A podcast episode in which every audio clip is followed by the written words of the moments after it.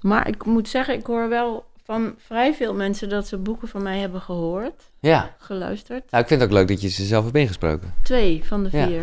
Ja. Ik vond het ook heel leuk om te Dat doen. vind ik, toch, ik moet zeggen, maar dat is Ja. technisch... Ze hadden iets harder gemogen, maar dat is niet jouw probleem. Maar... Hmm. Maar kan je toch je eigen knopje Ja, maar hij is zo zacht dat... Oh. eh, Oh. dat, dat, dat ja. Ja, dat is die eh, Jaap. Zijn, er zat natuurlijk ook zo iemand die dat allemaal regelde. Die had het iets harder kunnen aanleveren Ja. bij de dingen. Maar ik vond het heel leuk, want daardoor heeft het gelijk een soort toontje. Hmm. Of gewoon, ja, jij Hmm. bent het gewoon. Het grappige was, dat boek ehm, Kom uit je hoofd. Dat is het meest autobiografische. Dat heb ik geschreven zonder ooit een traan te laten. Maar toen ik het oplas, moest ik af en toe stoppen om Ja. even emotie weg te slikken. Oh, wauw. Ja, dus dat is heel interessant. Als je het gaat vertellen, Ja. komt het eh, weer, toch weer opnieuw. Ah. Of andersom, als ik, als ik schrijf, zit ik in een laag die eigenlijk heel droog is of analytisch. Ja, feiten. Ja, ja. En eh, met praten komt er een Hmm. andere laag bij. Nou ja, wie weet wat er gebeurt als we het er nu hierover hebben. Nee, dat voelt een beetje als effectbejag. Nou ja, Het is eh, nou, hoe meer emotie, hoe beter, toch? absoluut. ja, ja. vind ik ook. ik zeg ook tegen mijn cliënten altijd, laat het komen, laat, daar zit je hier voor. Ja. ja, maar ja, dat is dapper soms makkelijker gezegd dan Hm? gedaan hoor. Maar ik moet zeggen, de setting is wel goed. Die zorgt er wel voor dat het heel, nou ja, emotioneel zou kunnen zijn. Het is namelijk eh, een stroomstoring in Haarlem, dus ja, er is geen licht. En gelukkig heb ik het zo voor elkaar weten te krijgen dat de apparatuur gewoon op batterij gaat. En we weer bij het kaarslicht. Lisette het hoofd. Ik ben blij dat je er bent, want ik heb het gevoel jou heel erg te kennen door dat luisterboek. eh, Ja, of de ja. luisterboeken en door al je boeken. Als je, dat, eh, als je dat boek hebt gelezen, dan weet je echt alles van mij. Dat is zo autobiografisch, dat is bijna exhibitionistisch. Ja. Ja, maar het zijn ook niet de minste dingen die allemaal gebeurd zijn. Nee, er was één vriendin die zei, dat wil ik allemaal niet weten over jou. Nee, nee. Maar ze is nog steeds mijn vriendin, Hmm. dus het is niet... eh, Maar heb je niet eh, getwijfeld over... eh, Nee, helemaal niet. Nee. En het allergrappigste is dat het meeste wat ik hoor, terugkrijg over dat boek, het is zo herkenbaar. Zo herkenbaar, zegt bijna iedereen. En dan vraag ik, wat is precies herkenbaar? En Wat, hoe, hoe is jouw leven dan? Wat heb jij meegemaakt? Hebben ze allemaal iets totaal anders meegemaakt? Maar En een toch- trauma. Ja, Ja. of ja, de pijn of het ontdekken daarvan. Of, dat is dan kennelijk herkenbaar. Ik heb echt een- vrijwel iedereen die dat gelezen heeft, die zegt dat. Ja, Zo herkenbaar. ja. Grappig, hè? Nou ja, het uit je hoofd komen vind ik wel herkenbaar. Maar ik bedoel, wat jouw vader je heeft aangedaan... en eh, hoe je broer eh Ja, ja, ja. Overleed. Dat is natuurlijk heel specifiek mijn verhaal. Ja, ja. precies. Dat, is, dat vind ik... eh, wat ik eigenlijk... Wat ik, ja, ik vind al, je- heb je zo'n tien boeken geschreven, denk ik? 20. Twintig. Holy shit, zeg. Nou, dan heb ik er nog tien Maar te ik gaan. ben ook al even bezig, hè? Ja. Ik, eh, Hoe jong ben je als ik vragen mag? 68. Lekker. Dus ik ben al vanaf mijn dertigste bezig met boeken schrijven. De Ja. eerste in, in, op verzoek. Echte juppies zijn geen juppies. Het ging toen, er waren toen juppies in de wereld. Ja. En ehm Aramid, die uitgeverij bestaat ook niet meer... die vroeg, wil je daar een boek over schrijven? Dus toen begon ik daarmee. En daarna heb ik een boek geschreven, De Man als Held. Dat was mijn, mijn inzicht over hoe het zit tussen, tussen mannen en vrouwen. Toen was ik nog heel jong. Eh, dat was ook een beetje in de Cosmo-tijd en zo, of wat? Nou, nee, daarna al. Eh, oh, nou, nee, ja, ja zo'n beetje de overgang tussen eh, Cosmopolitan... daar heb ik van voor geschreven tot mijn 37ste. En zo ergens rond mijn 35ste denk ik dat ik boeken begon te schrijven. Ja. Zoiets. Maar eh, Ja. wanneer in jouw leven... Kijk, we, we zijn altijd bezig met ontwikkeling en dat houdt nooit op. Maar wanneer ging je echt de diepte in, laat ik het zo maar zeggen? Eh, bij de geboorte? Ja, nee, maar echt? Ja, de diepte letterlijk vanuit de hemel op die verschrikkelijke aarde hier. Hè? Het rijk van de dood, waar we allemaal zitten. Daar, ja, dat was wel een klap. Ja. Eh, ik, had, ik was ongewenst en ehm, dat werd me ook wel duidelijk gemaakt. Mijn moeder had, ze had het ook heel moeilijk en ze had het heel druk. En ze had echt niet zoveel aandacht voor mij. Dus dat was meteen wel een, eh, hoe noem je zoiets? Een inwijding, Ja, ja, ja. zal zo. ik maar zeggen. Ja, maar goed, dan heb je gewoon een jeugd. Dan, ik, kan, ik weet het niet, maar dan ben je niet bezig met spiritualiteit en zo. Ja, dat weet ik niet. Ik denk het wel. Ik was een, een gelovig kind in een ongelovig gezin. Gelukkig, gelukkig, godzijdank waren mijn ouders niet kerkelijk. Dat ik er niet ook nog bij kunnen hebben. Maar uh, ik was wel zelf gelovig Hmm. en religieus. Of, Oké. dat was ook een eh, beetje houvast misschien. Ja, Ja, ja, denk het. En ehm, dus dat was de, eerste zoektocht. Ik ben ook als, als tiener eh, op zoek gegaan in de kerk... om te kijken of ik het daar kon vinden. Eerst eh, in, de, ge- in de remonstrantse kerk. Vond ik niks. Katholieke kerk vond ik ook niks. Ter Zee. Weet je, Ter Zee? Dat is een ecumenisch klooster in Frankrijk... waar eh, heel veel jongeren naartoe gaan ook naartoe gegaan. Was hartstikke leuk met ijspegels en warme chocolademelk en gitaar en zo. Maar God vond ik er niet. Ehm, wel, wel mantra's. Zij, zij eh, hebben muziek in Terzee die is speciaal gekozen of zelfs gecomponeerd, weet ik niet, om heel veel mensen uit heel veel verschillende streken te kunnen laten samenzingen. Dus dat zijn hele simpele teksten, Ja, ja. maar dan eh, in eh, verschillende stemmen en zo. En ehm, er is een, het zijn een paar teksten uit die tijd die ik nog steeds in mijn hoofd heb als eh, default, zeg maar. Ja, ja. En kan je, wil je er eentje delen? Ja, laudate dominum. Ja, dat is Latijn. Dat betekent loof de Heer. Eh, het is niet dat ik dat gekozen heb, maar het zit in mijn hoofd. En het is een soort veilig... eh, Het zit in mijn hoofd als ik fiets of als ik eh, uit het raam staar of als ik... Weet je, het is heel goed, Ja, want het betekent dat ik niet pieker. Nee. Het gaat ongeveer zo, zal ik het zingen? Ja, graag. Laudate Dominum, laudate Dominum, omnes gentes, halleluja. Dat is zo'n beetje het refrein. En dan zingt er een monnik iets heel moois met een stem waar ik een soort wanhoop in voel die ik herken, weet je wel. Dus het is het hele eh, gezang heb ik op cd en dat zet ik ook nog wel eens Hmm. op in de auto. Wat, maar dit is de refrein, dat zit gewoon het zit al... gewoon echt... Nou ja, een zo zijn mantra's. in mijn hoofd, ja. En wat kwam er toen een beetje na eh, al dat gezoek naar God? Ah ja, dat was dus niet zo gelukt. Althans, niet echt, heeft, had geen God opgeleverd. En toen kwam ehm, macrobiotiek, weet je wel, dat soort eh hippie-tijd. Ja, New Age. In New Age, eerst seks en drugs en rock'n'roll. Dat zouden wij, wij zouden een nieuwe wereld beginnen. Met, door gewoon vooral heel veel met iedereen naar bed gaan. Ja. Was heel gezellig, maar het heeft geen nieuwe wereld opgeleverd. Ehm, eh, drugs. We gingen allemaal trippen en zo. Dat was eigenlijk ook nog niet. Het, was, het werd ook niet therapeutisch gedaan hè, toen, helaas. Ja, Het was- jammer is dat, hè? Ik weet dat jij daar ook wel eh, lekker progressief in bent... met zowel MDMA als ayahuasca. Ja, ik heb later begrepen dat als je therapeutisch gebruikt met, met begeleiding, dat het ongelooflijk goed voor je kan zijn. Hè? Dat het heel erg diep ehm, alle angsten kan weg. MDMA bijvoorbeeld, dat, dat eh, spoelt alle angsten uit je hersens. Dus dan kun je naar je jeugd kijken zonder angst. En dat verandert alles. Ja. Zie je ineens veel meer, bijvoorbeeld. En ja, Maar bijvoorbeeld ayahuasca, wanneer... eh, dat... ja, dat heb ik pas veel en veel Ja. en veel later. Dat was er toen ook nog Nee, niet hoor. Er was LSD. Ik, ben, ik had niet eens... bij- In mijn tijd was nog niet eens ecstasy. In mijn tijd is dus die tijd rond mijn twintigste, weet je wel. Ja. Dat, dat is mijn tijd. En daarna ging ik kinderen krijgen. Toen ben ik zelfs eh, gestopt met hash en zo. En zelfs eh, een beetje minder alcohol gaan drinken en zo. Om een, bet- om een betere moeder te zijn. Ja.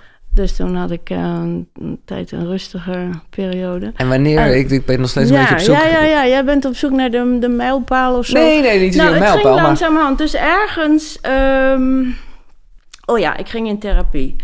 Ik ging in therapie, want ik was... Het lukte allemaal niet, de relaties lukten niet en zo. En ik vond eh, mezelf ook eh, niet, niet, niet goed genoeg. Mhm.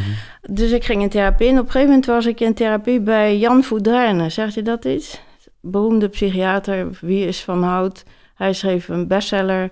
En hij ging in de Bhagwan-beweging. Ja. Hij, ehm, daar was ik eh, gewoon als cliënt.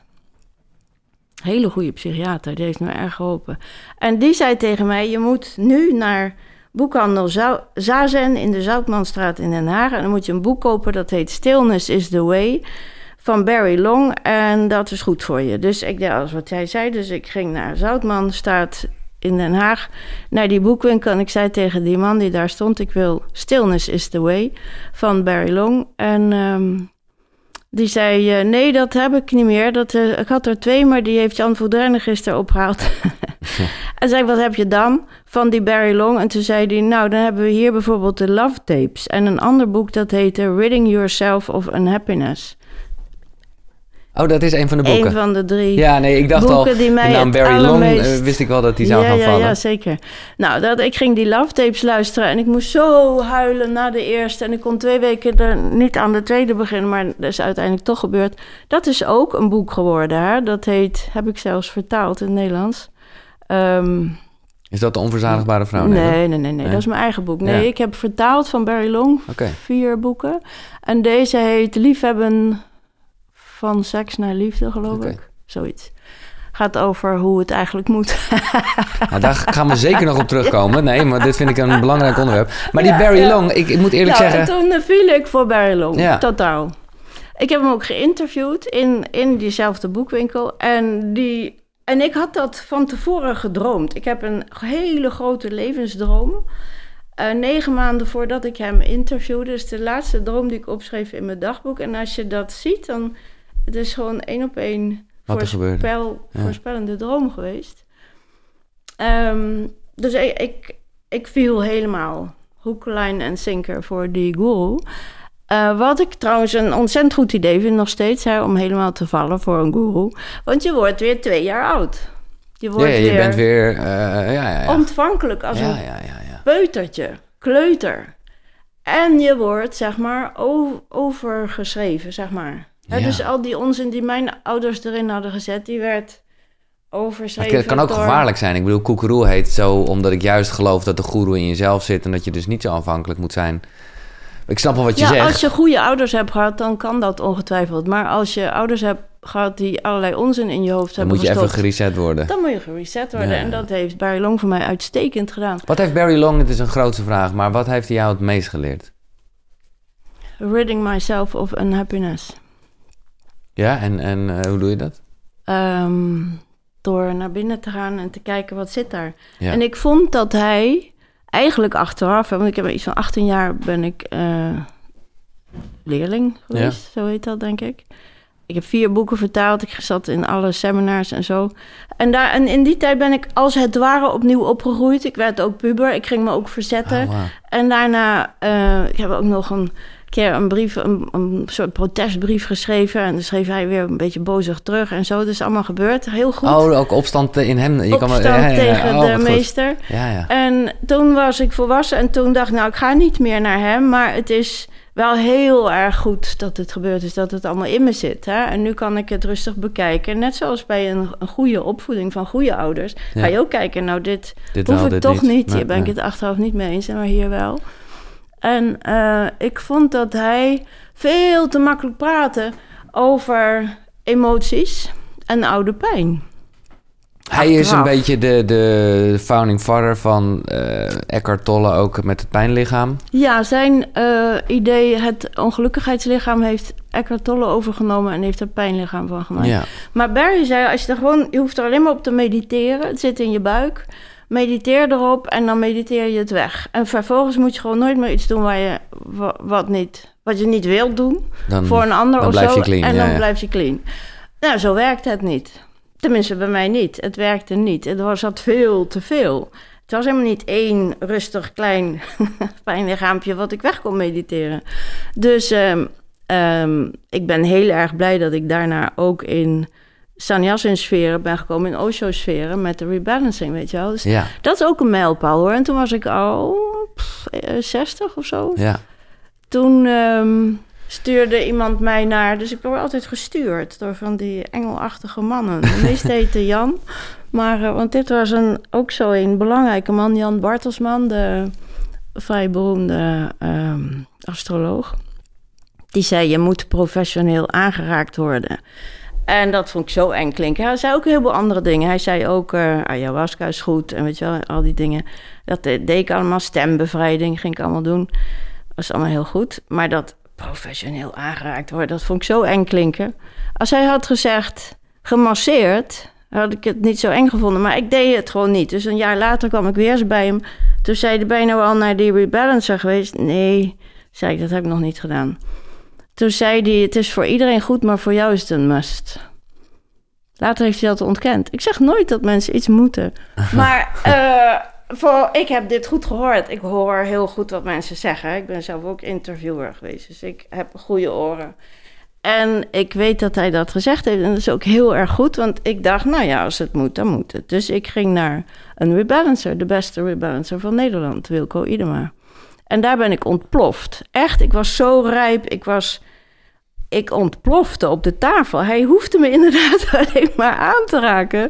En ik begon keihard te huilen. Ja. Tot mijn eigen stomme verbazing.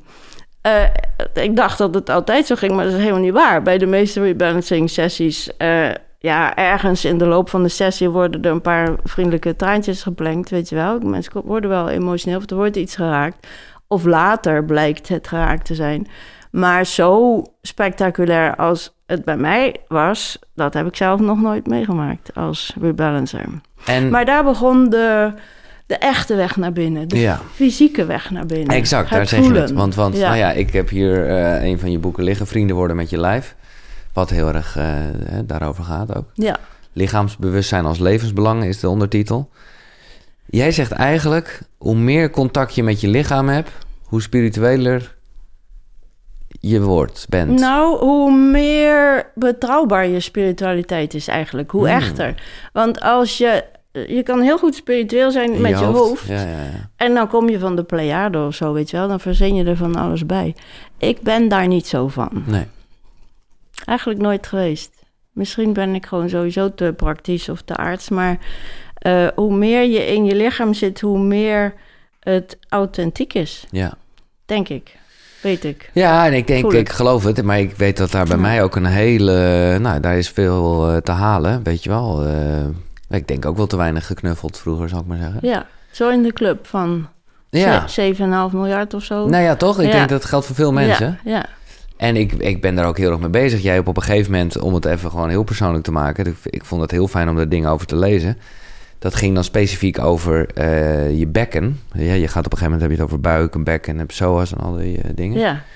Ik heb daar dus, ik loop echt nu bij een soort bekkenspecialist, omdat ik gewoon de hele tijd, uh, ik ben gewoon heel slecht in mijn plas ophouden en zo.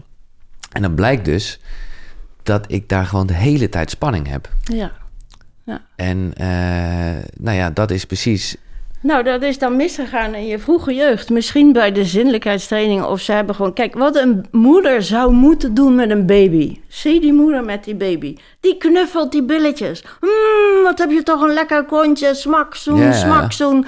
Oh, weet je wel, en knuffelen en aanraken en er zijn. Hier ben je, hier hoor je thuis. Hier is je basis. Hier zit je oervertrouwen. In je bekkengebied zit je oergeborgenheid. Daar ben je dat is je basis, weet je wel, je thuisbasis. Nou, daar zijn we vrijwel allemaal uitgejaagd. Linksom of rechtsom. Of door geweld of door Gewoon niks. misinformatie. En nou, dan moet je terug. Maar een, een makkelijke manier is... Ik, ga, ik geef hem maar even. Een nieuwe mantra, wat zit ik lekker? Dus dat doe ik nu ook hmm, wat zit ik eigenlijk lekker? Dat moet je voortdurend tegen jezelf zeggen. En dan zeg je me zo, oh, maar dat is helemaal niet waar. Ik zit niet lekker, want mijn billen zijn gespannen. Dan ga je automatisch een beetje ontspannen. Je hoeft alleen maar op te merken, ik ben een beetje gespannen. En het probeert al zichzelf te ontspannen. Dus wat zit ik lekker is volgens mij de, de handigste mantra voor... Om, om aan de wereld mee te geven. En in een auto is dat heel goed, want die autostoelen zijn goed. Dus je kan ik, ik rij zoveel beter auto sinds ik dat doe. Want ik zit lekker en ik ben er. En dan ben ik rustig aan het rijden. En soms word ik er even uitgeslingerd omdat er iets engs gebeurt of zo. Maar daarna kom ik zo snel mogelijk weer terug. Oh, wat zit ik lekker. Maar wat is die spanning dan eigenlijk? Is dat gewoon echt om niet te voelen? Ik, ik, ik, ik, ik nou, dat, dat is wel een soort. Uh, dat is wel een beetje het mechanisme. Hè? Je kan je voorstellen in de prehistorie, als er een, een leeuw of een mammoet op je afkwam, dan ging je gespannen staan om niet te voelen. Je, je gaat even het gevecht aan en in die tijd van het gevecht wil je niks voelen. De Germanen die bloot het, het slagveld op renden, die schijnen alleen een soort halsband om hun hals te hebben gehad als ze gingen vechten. Die werden ook ingemaakt door de Romeinen, die wel wapen, wapenuitrusting hadden. Maar die hebben waarschijnlijk niet zoveel gevoeld. Die zijn zonder te voelen rechtstreeks naar het Walhalla gegaan, waar Mhm. ze daarna bier gingen drinken en zo en het goed hadden. Dus dat is allemaal helemaal niet zo zielig als het klinkt. Ehm, mm, en ik denk dat wij ook door onze welvaart steeds beter in staat zijn om te ontspannen en wel te gaan voelen. Dat is helemaal niet zo dat het vroeger goed was en nu niet meer. Het is andersom. Het is Het zou nu beter moeten kunnen. nou, het wordt ook beter. Mensen kunnen dat zich permitteren om meer te voelen en gevoeliger te worden. Daarom krijg je ook al die gevoelige kindertjes die nu geboren worden. Hooggevoelig. Er zijn heel veel hooggevoelige mensen, die had je vroeger niet zoveel. Die eh, konden het niet, die konden er niet Nee. tegen, die werden, die gingen kapot. Dus ik denk dat eh, we steeds beter leren voelen en dat het ook de ontwikkelingsopdracht is. De ontwikkelingsopdracht. Dat van ons dat als klinkt groot. mensheid. Ja, precies. Dus in dat opzicht zitten we in een goede tijd en wel in transitie naar meer gevoel. Ja, we zijn wel ziek natuurlijk, maar daar moet je dan meteen bij zeggen dat ik niks tegen ziekte heb. Ik vind ziekte heel belangrijk en goed en nuttig ehm, voor je ontwikkeling. Maar wij zitten nu met een wereldwijde enorme ziektecrisis. Hè? Dat kun je wel zien, denk ik. Als je ons ziet als cellen hè, van, van het geheel. De Baha'i zeggen dat ook, maar ik denk dat ook. Hè? Dus elk mens is een cel van de mensheid. En de mensheid is ziek, heeft een forse ontwikkelingscrisis. Ehm, Ik snap het niet zo goed. Hoezo hebben wij een forse ontwikkeling? nou, dat heet materialismitis of zo. Of de, het syndroom van zelfzucht. Of eh, de kanker van winstbejag. Of dat is de ziekte. We denken allemaal dat we met de ellebogen moeten werken... en in ons eentje bovenop de apenrots terechtkomen. En dat is helemaal niet waar. Dus ja, of niet eens op de apenrots. Ze willen zelfs met een raket van die apenrots Ja. af naar Mars. Nog dommer. Maar goed, dus dat is de ziekte. Daar zie je... eh, de, de grote tumoren van de ziekte zijn Big Pharma, Big Finance, Big Tech. Die kun je heel goed zien. Die zie je zwellen en zwellen en eng doen en de wereld kapot maken. En wij zijn ook allemaal cellen. En wij zijn in meer of mindere mate gezonde cellen. En het enige wat je te doen hebt is je eigen celletje zo gezond mogelijk maken. Daarmee help je het geheel. Als er genoeg gezonde cellen zijn, dan wordt het geheel beter. Dus, en dat is ook weer meer naar binnen gaan, contact met je lijf. Ja, gezond worden. Ja, innerlijk. Dus geestelijk en lichamelijk eh, in harmonie Ja. komen. Maar als jij het een beetje herkent en jij zegt er zijn zoveel miljard mensen die dat hebben met te weinig geknuffeld en die dus helemaal niet zo goed eh, ja, vrienden zijn met je lijf, om even jouw eh, dingen aan te halen. Hoe, ja, Hoe, hoe, hoe gaan we het doen? Ja. ja, maar echt. Ik bedoel, Ja. ben, ben jij de hele dag, ben je constant in contact met jezelf en met je lichaam? Je hebt, ja. Eh, nee, eh, ik zit ook wel eens in- met mijn hoofd in de computer of zo, of ergens anders in. Het, eh, maar het is wel een stuk beter dan het was. Ja. ja, ik vind het uh, verrassende en het heeft niks SM'erigs aan. Maar gewoon meer als een soort waarschuwingsmeter zeg jij, pijn is fijn. Nou, pijn is fijn, dat stond op die website van, de, van de spijkermatjes. Maar ik ben daar. Ik ben daarover in onderzoek. Ik ben dat aan het onderzoeken. Kijk, wat er. Een van de symptomen van onze ziekte is dat we geen pijn willen hebben. We, zeg ik maar eventjes. Ja. Er zijn mensen die het al beter weten. Maar ehm, heel veel mensen die willen geen pijn voelen. En de hele gezondheidszorg is er ook op gebaseerd. Dus alle pijn die je hebt, wordt meteen weg verdoofd. Ja, hè? Of eh, symptoom, symptoomonderdrukking. Daar, dat is de basis van de gezondheidszorg. Dus dan krijg je andere problemen. krijg je chronische ziekten. En iedereen wordt zwakker en ellendiger. En sterft op uiterst hoge leeftijd na een lijdensweg van jaren. Dat is wat ik niet wil. Dus ik ben terug aan het gaan naar... Wat is dat dan? Mag ik het verhaal vertellen van mijn tandontsteking? Zeker. was heel interessant. Wanneer was het? Een paar maanden terug? In juni.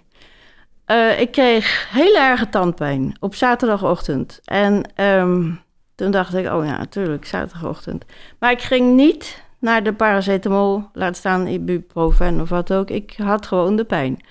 En ehm, ik ging dat onderzoeken. Ik ging voelen, voelen. Oh, wat een pijn, zeg. Jeetje, wat een pijn. Maar ik sliep wel. Volgende dag had ik een film afgesproken met een vriendin. We mochten net weer. En het was een hele goede film. Blackbird, ik weet het nog heel goed, want ik was heel erg aanwezig. Ik heb goed gekeken naar die film, want ik was er zo Mhm. door de pijn. Eh, maandagochtend ging ik naar de tandarts. Nee, maandagochtend ging ik bellen naar de tandarts en die zei: Je kan woensdag komen. Alsmaar pijn, pijn, pijn. Ik had eh, sessies, als we bellen, ze zijn ontzettend goede sessies geworden. Zo aanwezig. Dus ik dacht, ah, nou ja, dat, je kan al goed slapen met pijn. Je kan eh, genieten van een film met pijn. Je kan je werk doen met pijn. Waar hebben die mensen het over? Waarschijnlijk is al die problemen die mensen hebben met pijn, is de weerstand. Ja. Daar word je moe van en daar ga je van piekeren en zo. Dit zou niet zo mogen zijn. Maar ik dacht, ik ben het aan het onderzoeken. Het mag er zijn, het mag er zijn. Jeetje, wat een pijn. Toen kwam de bovenbuurvrouw, hoe heet dat ook weer? Die eh, olie, eh, eh, kruidnagelolie brengen. Dat mocht wel van mij. Dus heb ik een beetje opgedaan. Dat hielp een klein beetje. Woensdagochtend zei de tandarts, eh, dat wordt een wortelkanaalbehandeling. En hij wou wel beginnen, maar ik zei, ho, ho. Ik moet even aan mijn orakels vragen of, dat wel, of ik dat wel wil. En toen moest hij natuurlijk lachen. Hij zei, denk niet te lang, het moet echt. Dus ik kwam thuis en ik dacht, oké, het moet echt. Dus ik weer bellen, oké, kom. Kreeg ik eh, vrijdag de eerste afspraak. Dus ik weer met die pijn verder en die pijn. Vrijdagochtend zit ik en je krijgt dan twee afspraken. Hè? Dat moet kennelijk. Wortelkanaalbehandeling is Ja, altijd twee keer. Dus Ja. vrijdagochtend zit ik in die tandartsstoel en hij begint, hij heeft me wel verdoofd. Want een tandarts doet dingen met je waar een mens niet tegen kan. Hè? Dus dat moest. En hij gaat boren en hij zegt, huh, die zenuw is al helemaal weg. Het is helemaal schoon. Ik, je hebt helemaal geen twee behandelingen nodig. Met andere woorden, mijn lichaam had de helft al gedaan. Zelfregulering, ja. Door de pijn. ja. Door Als je de pijn te weg, wegdoet, dan hoeft je lichaam niks te doen. Als de pijn er mag zijn, dan denkt je lichaam... oh, er moet iets gebeuren. Even kijken, wat kunnen we doen? Nou, het lichaam was natuurlijk bezig die tand eruit te werken... want dat is de natuurlijke oplossing voor zoiets. Ja. Dan word je een tandeloos wijfje. En ik had nu het beste van twee werelden... want de tandarts heeft hem vastgecement. Hij zit er nog, als er een gat gaat. Maar toen besefte ik, zo gaat het. Of je doet het pijn weg, je lichaam kan niks doen, blijft passief, een ding.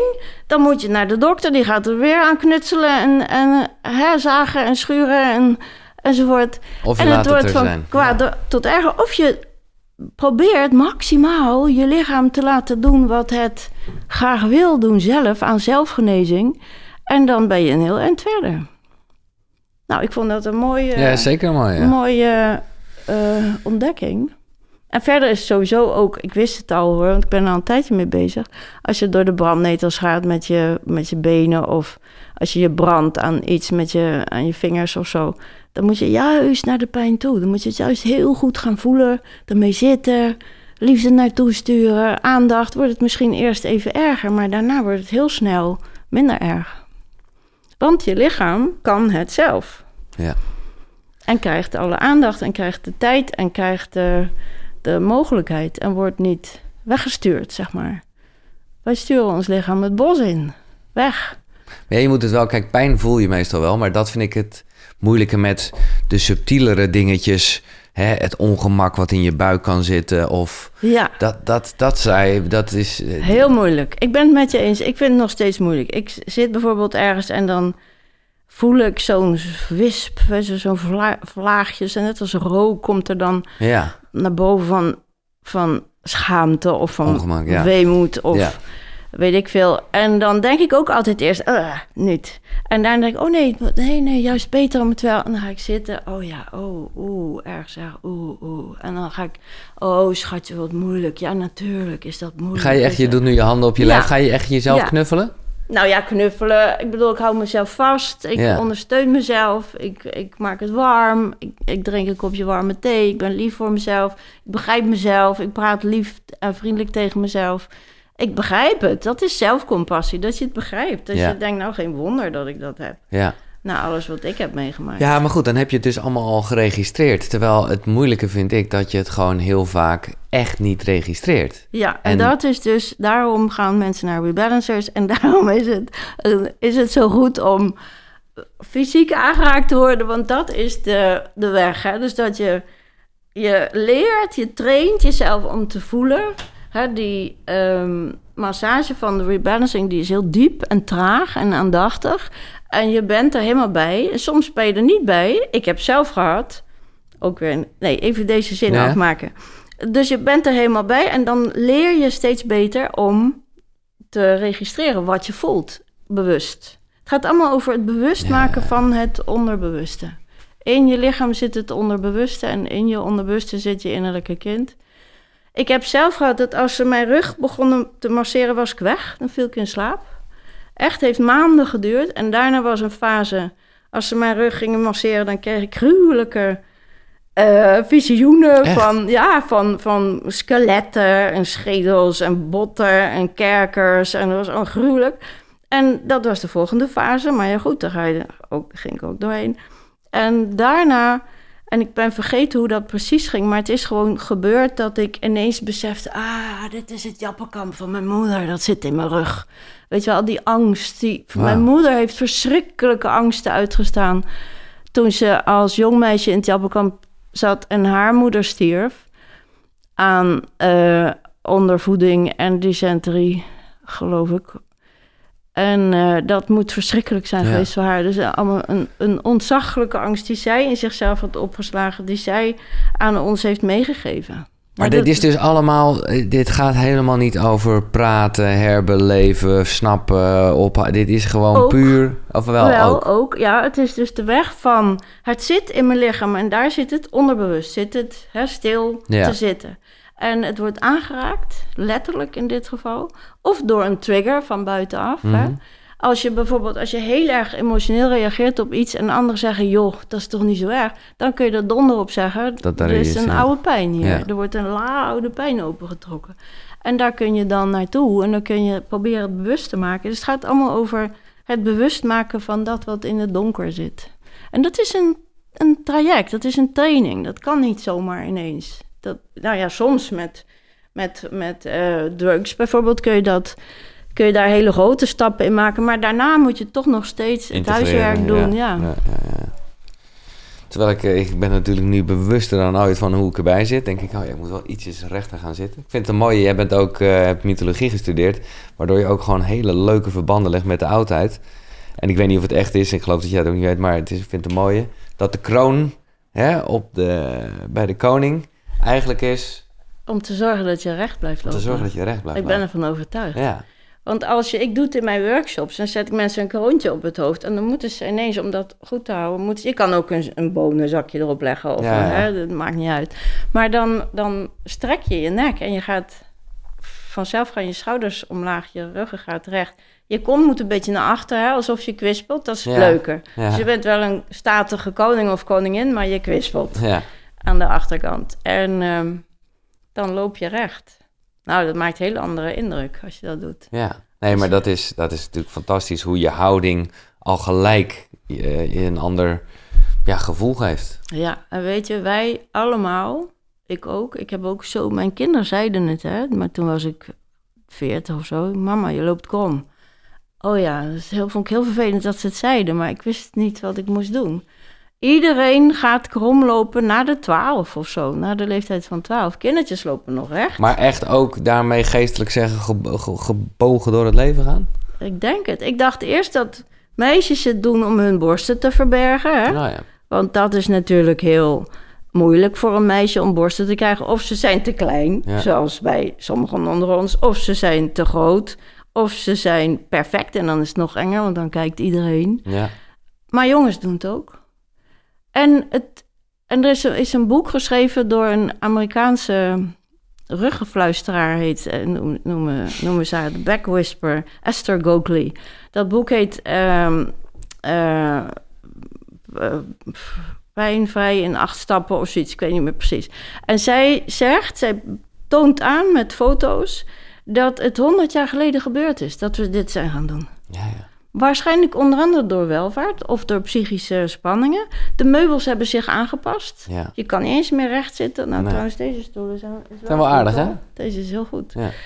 Maar eh, de meeste stoelen die nodigen uit om onderuit gezakt te zitten. ja. En we zijn slungelig gaan staan en, en slungelig gaan lopen. Beetje voorover. Ik denk dat we ons hart proberen te beschermen. Dat zeggen de rebalancers. Hè? Je probeert je hart te Oh ja, gewoon zo. Een soort, ja, ja, ja, oké. Ja, ja, Maar het is slecht voor je spieren, want die moeten iets doen de hele tijd waar ze niet voor gemaakt zijn. Dus je krijgt pro- rugproblemen. Ja. Nog even dan over de spieren. Ik vind dat zelf... Ik dacht altijd dat het daarmee was, maar het was bij mij meer bij mijn bekken. Of het is een combinatie van dingen. Eh, de psoas. Je had ook... eh, ik Ja. heb dat boek eh, gelezen, hoe heet dat? van die dame. Lisa Koch. Ja, Dat is een onleesbaar boek, toch? niet te lezen. Bedankt dat je het zegt. Bedankt dat je het zegt. Ze Maar ik dacht toen heel erg van... ja. Oh, het is mijn psoas. Daar, daar Ja. zit het in. Want ik voelde Ja. wel dat ik mijn onderbuik allemaal eh, hard was en, dingen. Maar hoe... eh, wat is jouw... Ja, wat doe je met de psoas? Je gaat op de grond liggen. Hier heb je een prachtige bank. Met je, met je Ik ga onderbenen het op ik, de, ga op zeggen de wat ik bank. Ja, dus gewoon... Ja, nee, op de grond liggen. Ja? Met je onderbenen op de bank. Onderbeen op de bank. Ja, dat. Oh. En nu ga je plat liggen. Je moet iets dichter bij de bank gaan. Ja, zo. En nu ga je ontspannen. En je blijft een kwartier liggen. Oké, nou, dat doe ik nu even niet. Nee. Maar nu ga je ontspannen. En je gaat nergens anders aan denken, alleen maar aan je buik. En het duurt een tijdje, daarom zeg ik een kwartier. Ik heb dit van een sportarts gehoord. Nee. In de medische basiskennis. Ze zei, iedereen moet dit doen. Drie weken lang, een kwartier per dag. Dan is je psoas ontspannen. En het is echt zo, hè. Ik doe dit elke dag nog Ja? steeds. Ik combineer het met mijn spijkermatje. Dat leg Ah, ja, ik precies. neer en dan ga ik dus... Doe ik mijn Dus je ligt dan uit. zo op een spijkermatje? Ja, een beetje manoeuvreren om er ja. voorzichtig op terecht te komen. En dan de benen erop en dan ontspannen. Oh. Voelen, voelen, voelen. Nou, ik vind het verrukkelijk. Echt verrukkelijk. Hmm, ik heb bedankt. een spijkerkussentje. Maar wat ik dus merk, dat als ik zo lig en ik prut een beetje zo in mijn buik, dan voel ik meteen mijn psoas. Die is heel Ja? duidelijk, terwijl ik ben helemaal niet mager of zo.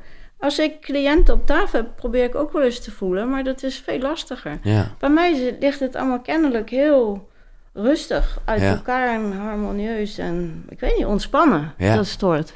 Dus dat werkt echt. Het werkt echt. En dat doet wonderen voor je bekken. Elke dag een kwartiertje. Nou ja, ik, ik wilde nooit meer mee stoppen. Zij zei toen drie weken lang, want dan he- heb je het echt Ja, ja. over, dan heb je het En ontspannen. jij bent gewoon doorgegaan. Ik, ik kan nooit meer stoppen met die Nee. dingen. Maar ik ben ook een, een eh, hoe noem je dat? Iemand die graag elke dag Rituelen heeft.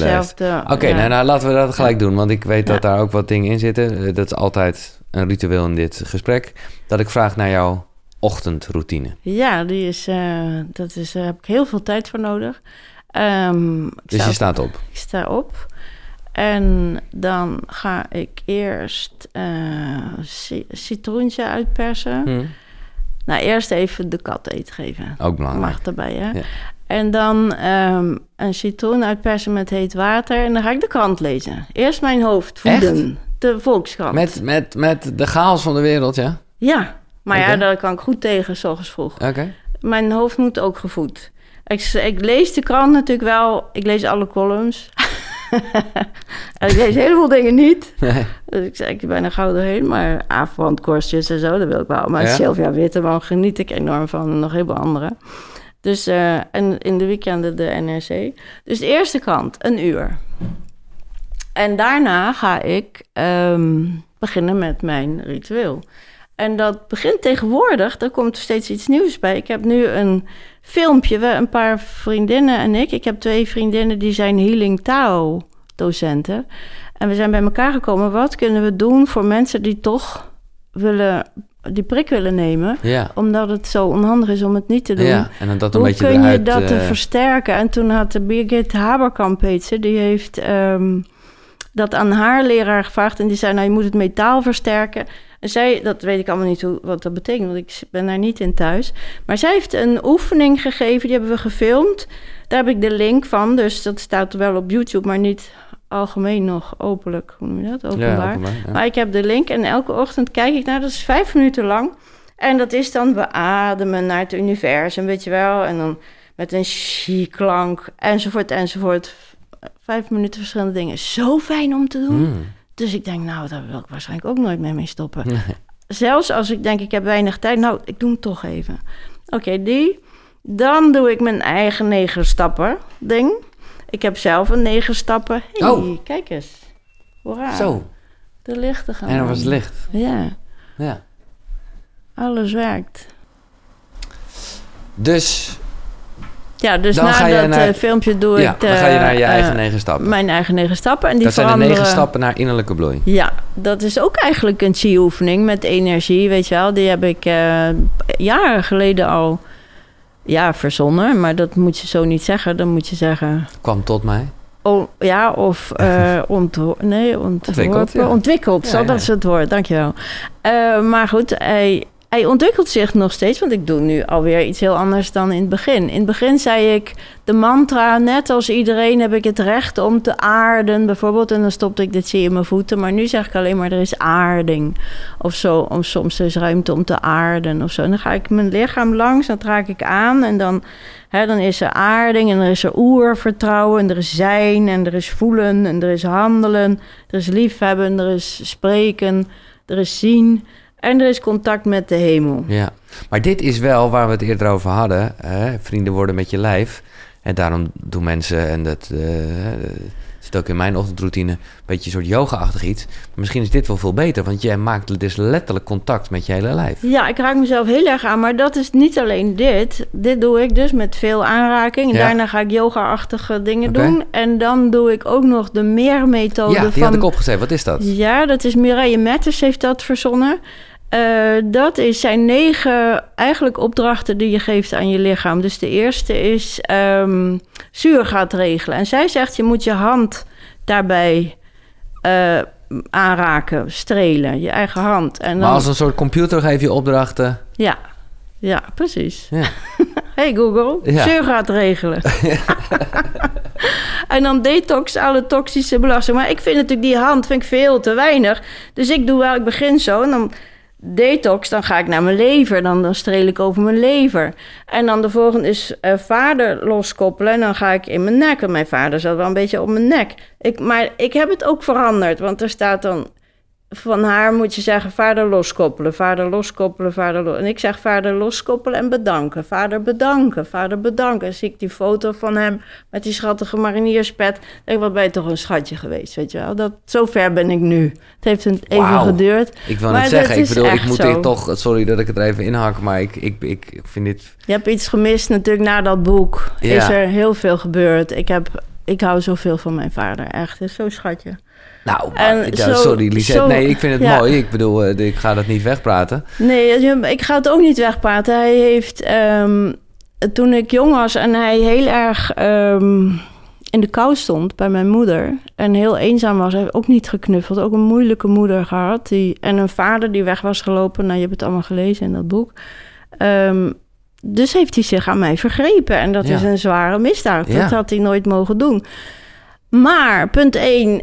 ik ben zelf al een keer op het punt gekomen dat ik zag... dit was precies wat ik nodig had. Stel dat het zo is dat ik als ziel kijk naar mijn volgende leven... en ik denk, nou, ik ga, dit leven gaat over lichaamsbewustzijn. precies, ja, ja, Dit leven gaat over lichaamsbewustzijn. Hoe kan ik daar het meest van leren? Nou, dan moet ik eerst helemaal uit mijn lijf.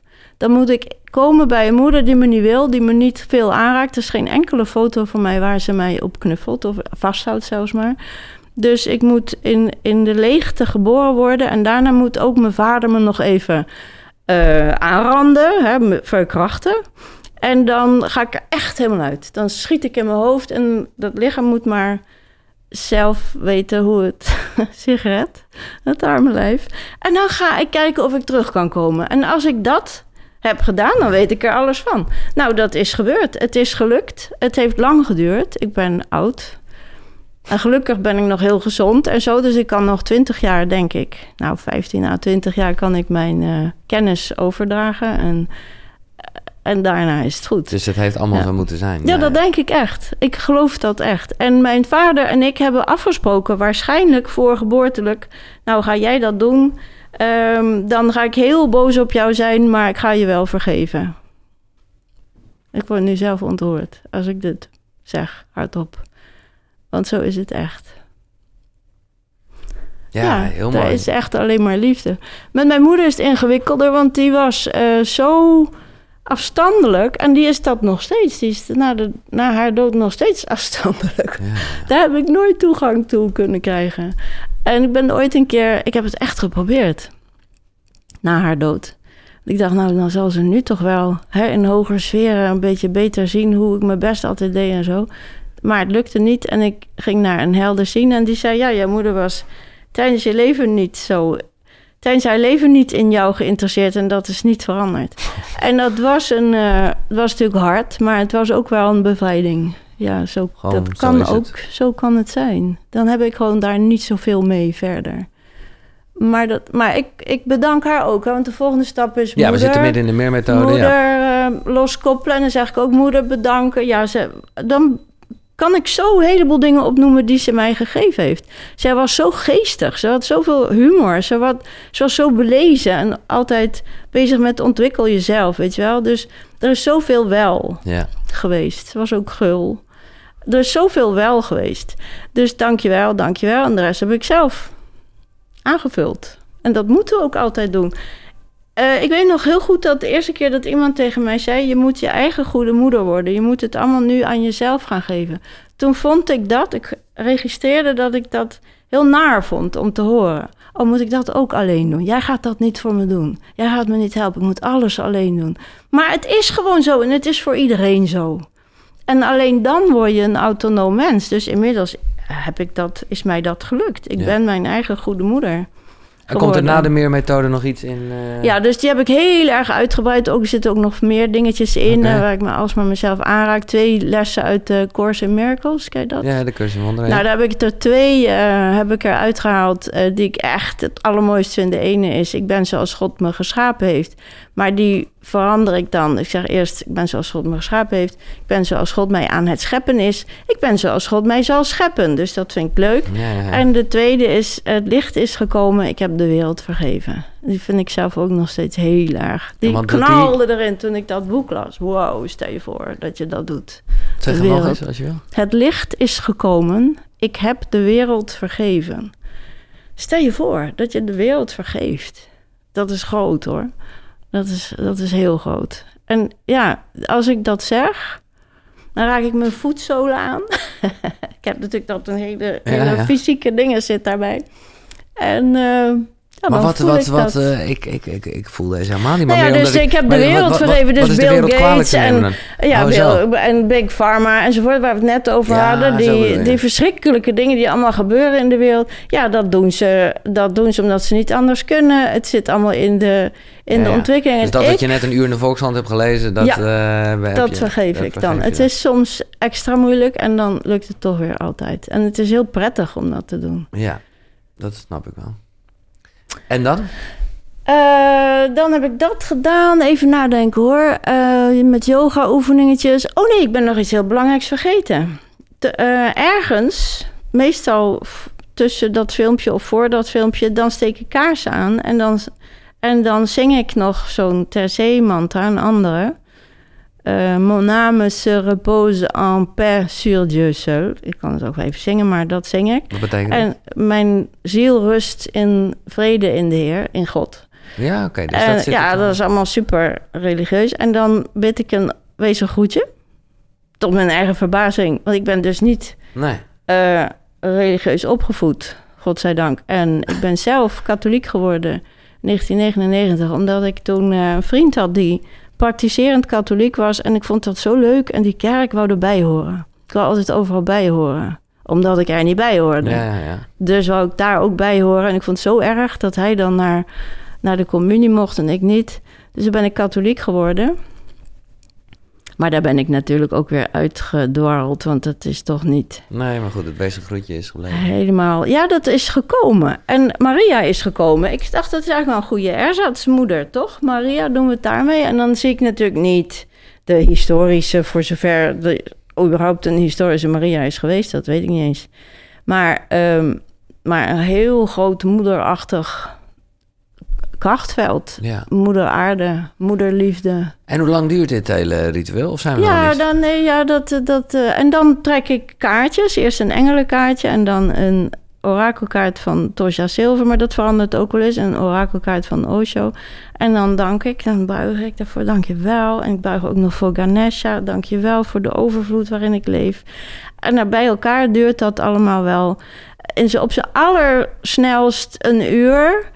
Maar ik kan het fijne ervan is dat ik ehm, alles mag van mezelf. Dus als ik op die mat lig iets te doen en ik denk ineens... oh, ik moet hier nog een mailtje sturen, dan doe ik dat even. En dan ga je ondertussen... En dan ja, ga ja. ik weer verder. Dus daarom komen al die invallen, die krijgen meteen... of ik schrijf het op of zo. Dus dat is heel prettig. Dan heb ik altijd een heel opgeruimd gevoel. Ik doe alles wat ik heb bedacht dat ik... bijna alles. Soms lukt het niet, maar meestal lukt het wel. En dan begin je op en een daarna doorsnee dag. ga ik ontbijten en daarna ga ik aan het werk. Ja. Mooi. Sessies doen met cliënten. Je bent niet van het koud douchen. Ja, ik douche eerst warm en dan koud. Oh ja, precies. Dat doe ik al vanaf mijn twaalfde. En iets wat mij ook fascineerde en jou ook, eh, maar ik weet niet of dat dan eh, in het eh, routine is opgenomen. Je eigen plas drinken. Ja, ja, dat eh, was ik nog vergeten. Dat is het allereerste wat ik doe. Als ik eh Elke opsta. dag?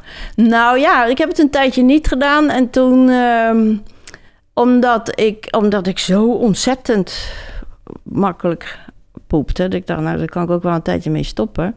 Maar dat beviel toch niet. Dus nu doe ik maar een heel klein beetje. Soms niet. En als, als ik... En Hoe zul je gemakkelijk poept? Ik snap ook niet. ja, plas drinken is ontzettend goed voor je darm. Oh, zo. De meeste mensen zeggen darmen, maar het is natuurlijk niet darmen. Het is niet een buikvolk krioelende worm. Het is één darm. Het begint bij je mond en eindigt in je kont. En het is slokdarm en maag en dan hè, die andere. Dus het heet En, en, anders. en, om en je daar zitten al die beestjes in die zo belangrijk zijn voor ons, die plantachtige beestjes. En eh, urinetherapie is daar ontzettend goed voor. Dus, En hoeveel hebben we het over? nou ja, ik drink eh, een bodempje, twee Ja, precies. Gewoon heel, niet, niet een glas vol. Het smaakt elke dag anders. En als ik eh, te veel wijn heb gedronken, en dat is dus drie glazen, dan is het niet lekker. Dan doe ik het ook wel eens niet. Nee. Dan weet ik van tevoren, het is zuur. Snap je? Ik moet Je, ook je, geen... je raadt het echt aan. Je zou het mij aanraden. Ja, tuurlijk. Tuurlijk. Waarom niet? Nee, ja, ik heb het Er is een boek over, dat heet De Gouden Fontein van Koen van der Kroon. Eh, dat is iets van twintig jaar geleden verschenen. Zo ben ik er aangekomen. Ik zat naast hem. Je dat verteld? We hebben ergens, heb je dat gelezen? Het was heel grappig. Ik zat aan een diner van een uitgeverij naast Koen van der Kroon. Een hele aardige jongen. En die vertelde mij dat hij een boek had geschreven over urinetherapie. En dat hij dus elke dag zijn eigen plas dronk. En ik dacht, "Ugh, get, wat ontzettend raar. gek. Maar hij was een lieve jongen verder. En ik bracht hem weg na afloop. En in mijn auto zat ook een vrouw, volgens mij het is Anna Bol, een vertaalster, die mijn leeftijd was. Hij was uitgestapt en ik zei tegen haar: Weet je wat die jongen doet? Die drinkt elke dag zijn eigen plas. En toen zei ze: Oh, dat heb ik ook een tijdje gedaan. En toen dacht ik: Dit is candid camera. Weet je wel, nu, nu word ik in de zijk genomen. Leuk. Dat is zo, zo raar. Maar zij had het echt gedaan. En zij zat bij Davy John. En daar deed ook iedereen het. Dus ik dacht, nou, het is dus kennelijk te doen. En toen ben ik het gaan proberen. En het werkt fantastisch. Sindsdien heb ik dus een fantastisch werkend eh verteringsdinges. Oké. Nou, dit is het meest fascinerende ochtendritueel wat ik ooit eh, gehad heb in eh, meer dan 100 keer. Wat grappig. Ja. Bedoel je door die plas of door Nee, oh nee, dingen? dat, Ja. dat is wel nog eens Ja. een bonus. Maar het verandert steeds, hè? Er Ja. komt iets bij, er gaat iets nee, af. dat ken ik het ook wel. Dat heb ik zelf zich, ook. Ja. Dat, precies. Ja. Ja. Ja, ja, En eh, dingen als schrijven en zo.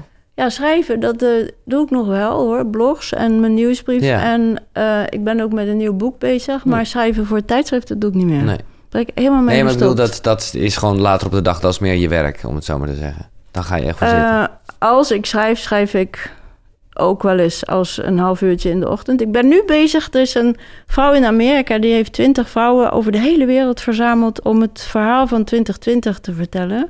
Maar dus als spiritueel verhaal. Ja. Daar mocht ik bij, daar ben ik super Leuk. blij mee. En dat ben ik aan het schrijven. Dat moeten we eind van het jaar inleveren. En dat doe ik ook wel eens 's ochtends een half uurtje zo. En, maar je bent ook met een nieuw boek bezig.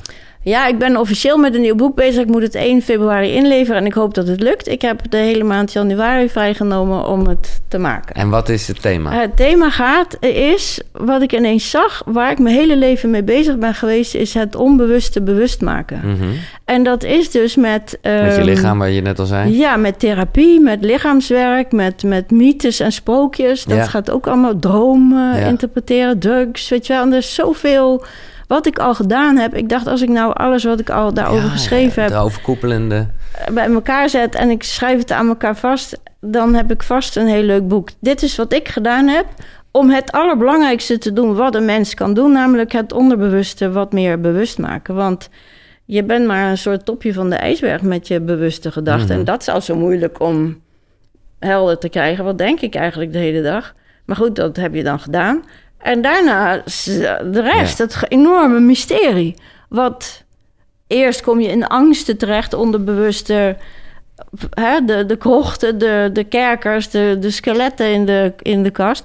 Maar daarna opent het zich en wordt het ook wijs en diep en hoog en, en ver. En collectief, on, Ja. collective unconscious en diepere wijsheid of hogere wijsheid of zo. Dus ik denk dat je, je hebt echt je lichaam nodig om wijs te worden. ja. Ik ben benieuwd welke boeken jij, want jij haalt al eh, ook in Oh, je ja. eigen boeken veel boeken aan. En eh, nou ja, dat vind ik leuk om te lezen. Eh, drie boeken die jou Ja. in je reis In chronologische volgorde. Wat jij wilt, Ja, dat, dat maakt mij echt niet uit. Kijk, Paultje en het Paarse Krijtje. Dat is een kinderboek. Is een kinderboek.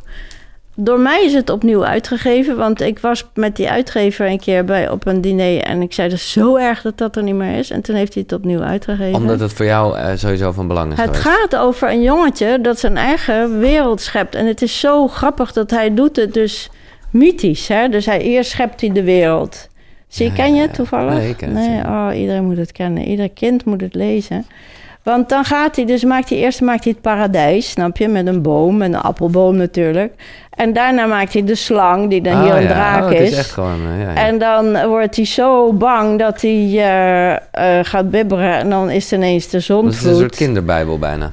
Ja, maar dat, dat wordt natuurlijk helemaal niet genoemd. Nee. En het is niet alleen dat, het is ook wat we allemaal zelf doen. Ja. Het is eigenlijk onze ontwikkelingsweg.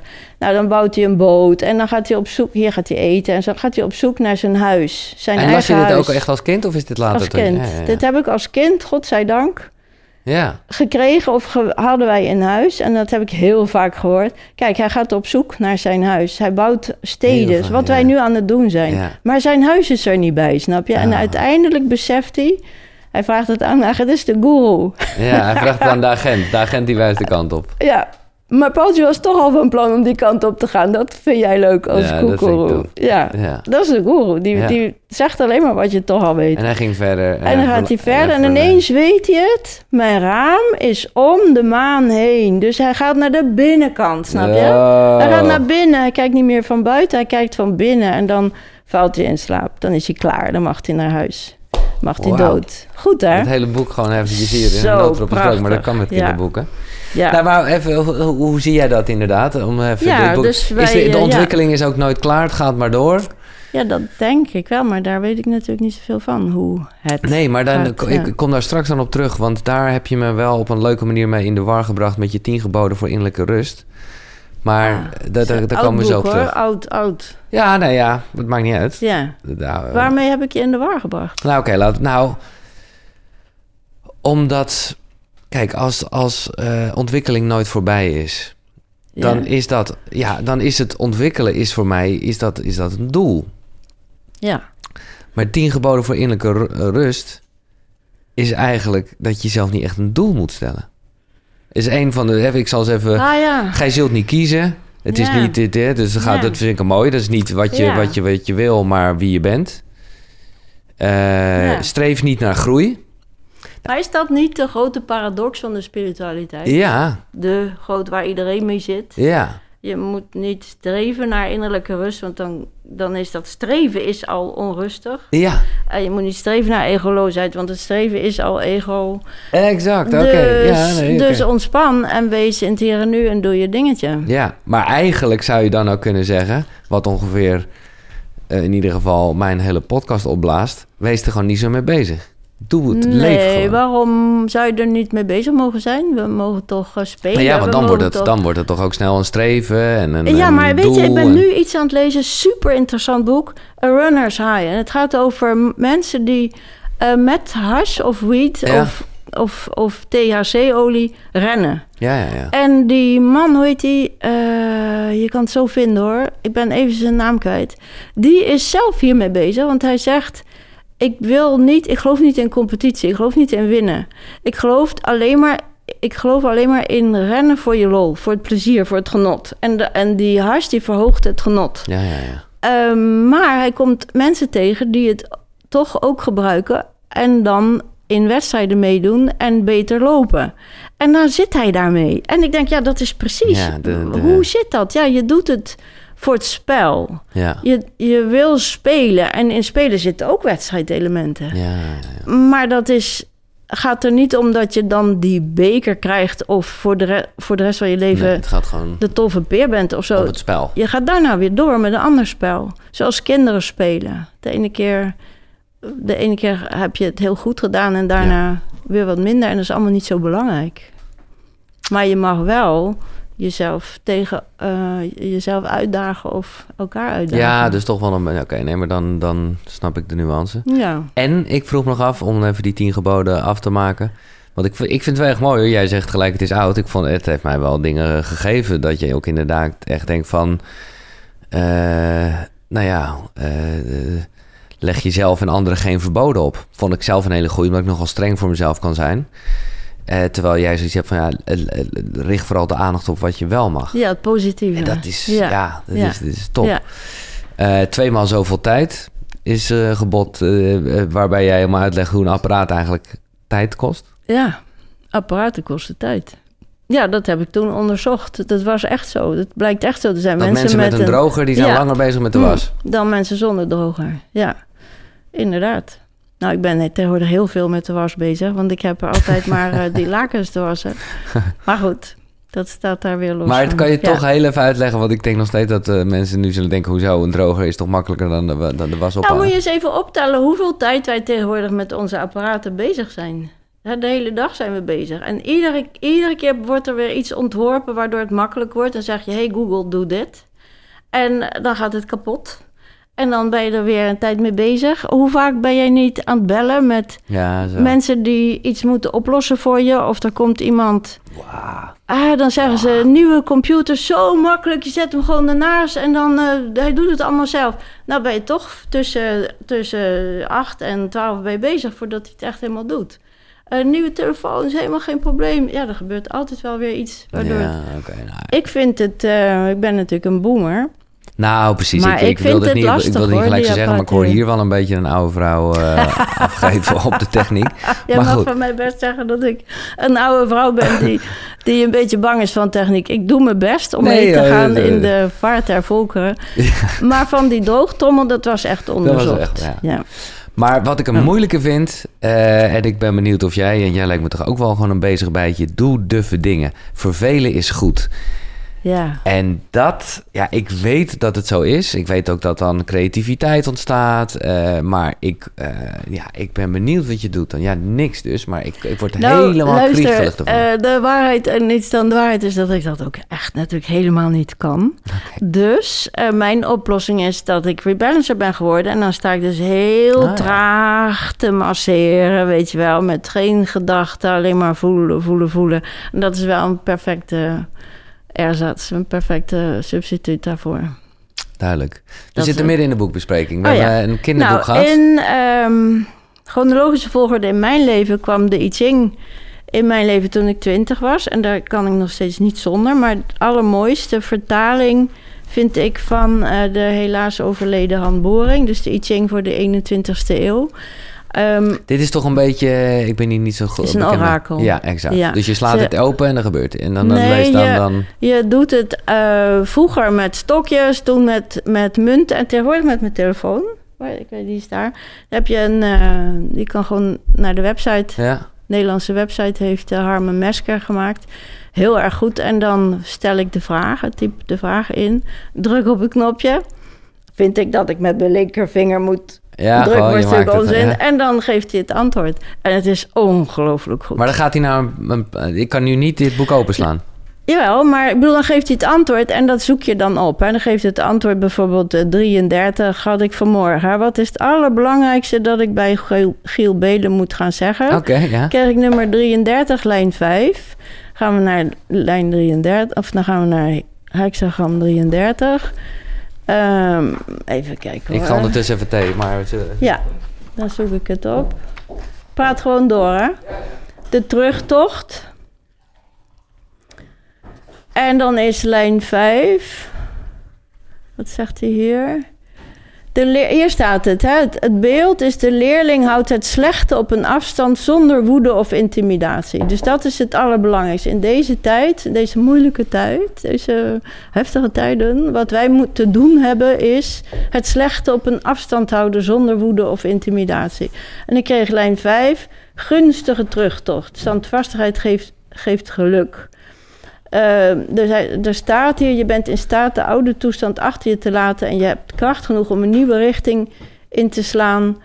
Eh, omdat je innerlijk vrij bent geworden van de oude toestand, is er ruimte voor iets nieuws. Ga op zoek. Dat is de lijn. En ik denk dat is ook zo belangrijk. Dat is wat we allemaal moeten doen. Niet boos worden, niet... Ja, ik, daar zijn natuurlijk ook mensen, cellen in het geheel... die rechtszaken moeten doen. Dankjewel voor de moeite. Maar ik doe dit. Ik doe...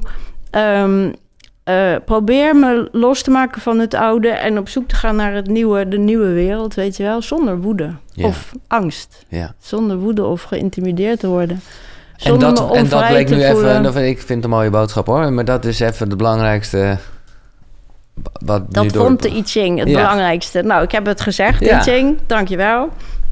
En dus daar, die is al sinds mijn twintigste in mijn leven. Dus dat is eh, bijna... eh, hè, ik ben 68, min 20 is 48. Toch? Ja, ja. Ik kan niet eens meer rekenen. Maar eh, Halve nog eventjes dan ja. toch over, hè, als dat wordt genoemd, 18. in deze tijd. 60 jaar, ja. Zie jij het als een eh, mooie tijd?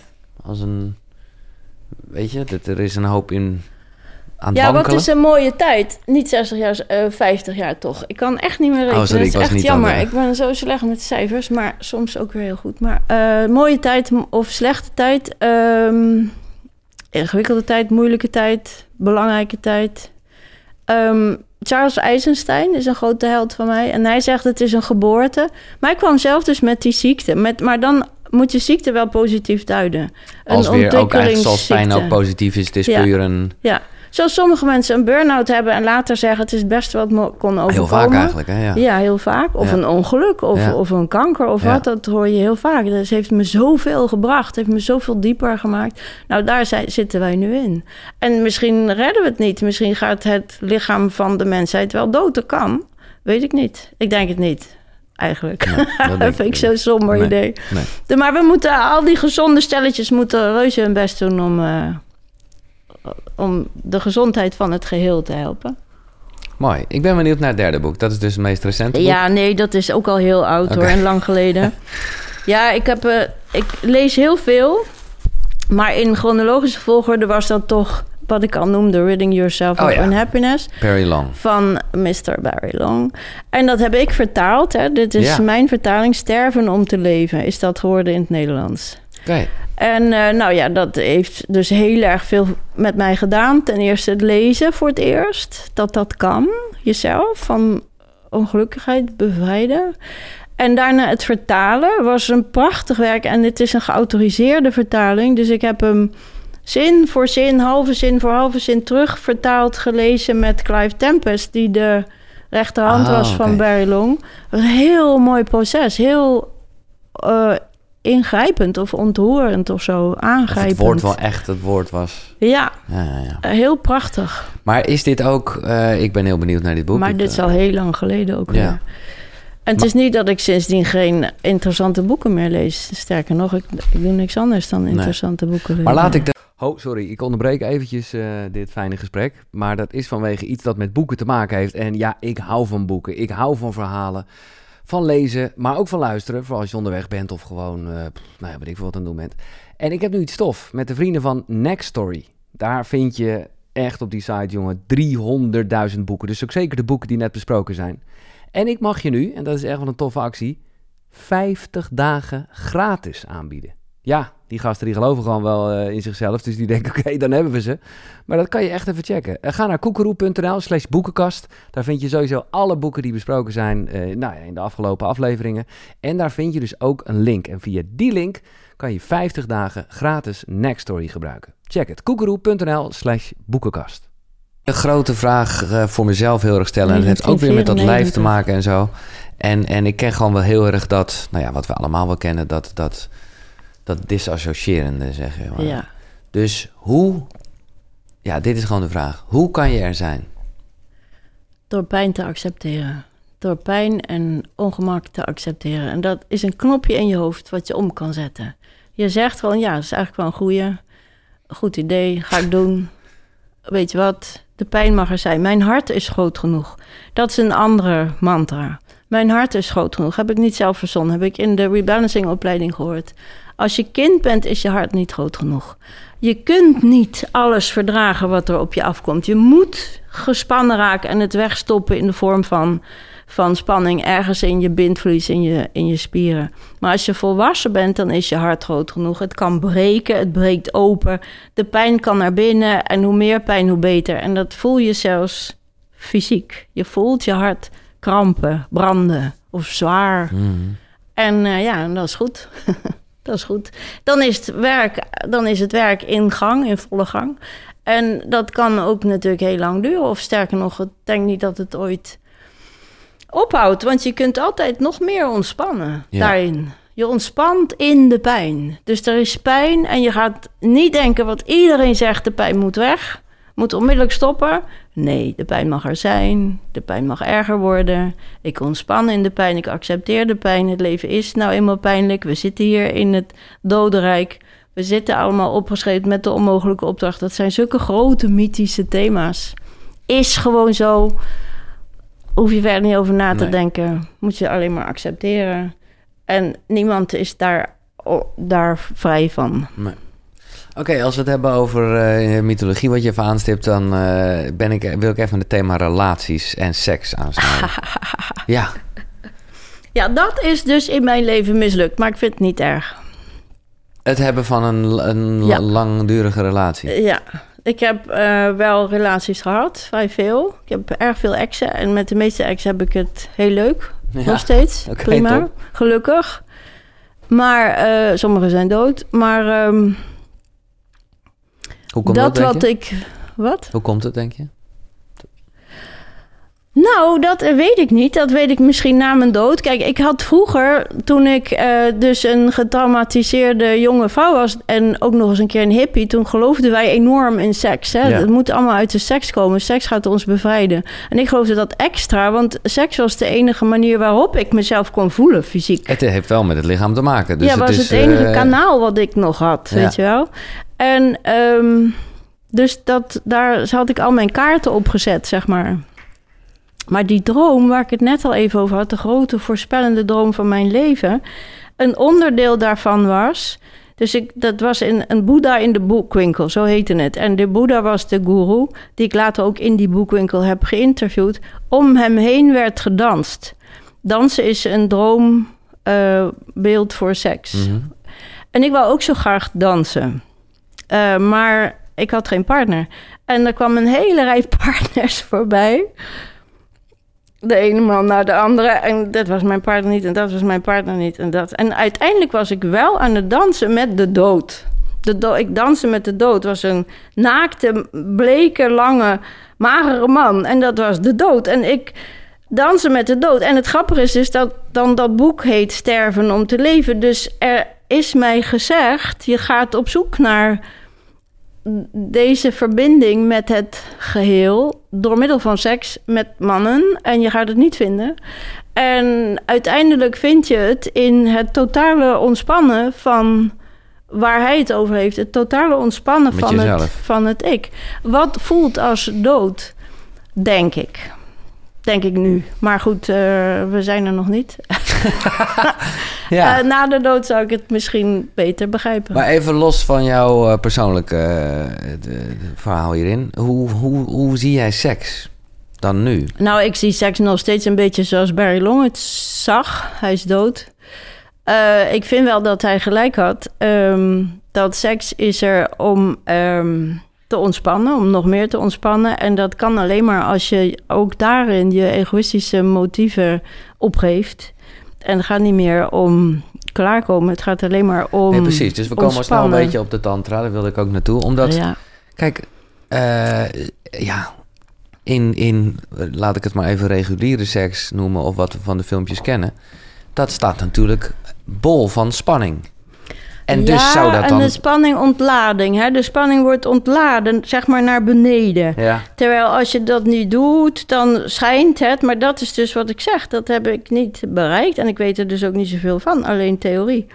Maar dan schijnt het dat je de spanning kunt gebruiken om naar boven. Ja. Of die kundalini-energie, die kan naar boven en die gaat naar je hoofd. En daar verenigt die zich met het goddelijke en dan ben je verlicht. Eh, prachtig verhaal. Ik geloof erin. mhm. Maar ik heb het niet ervaren. maar of heb je helemaal geen tantrische ervaringen dan? Heb ik helemaal geen tantrische ervaring. Nou, we hebben het wel allemaal geprobeerd. Daar rondom Barry. Maar om nou te zeggen, ik ben ooit eh, midden in bed dat ik dacht, oh, nu ben ik verlicht. Nee. Nee, nee, nee. Mm, ja. En nu is het weg uit mijn leven. En ik, vind, ik mis het helemaal niet. Nee. Totaal niet. Echt helemaal niet. En dat had ik nooit gedacht. Echt nooit gedacht. En Omdat Dus het bijna ja. een soort houvast was, zoals je... al Ja, zei. dus achteraf denk ik, er zat veel meer achter wat ik nu dus heb. Al dat gevoel, al dat voelen en al dat contact met mensen wat ik nu heb, dat had ik toen allemaal niet. En dat Nee. is, eh, daar gaat het eigenlijk om.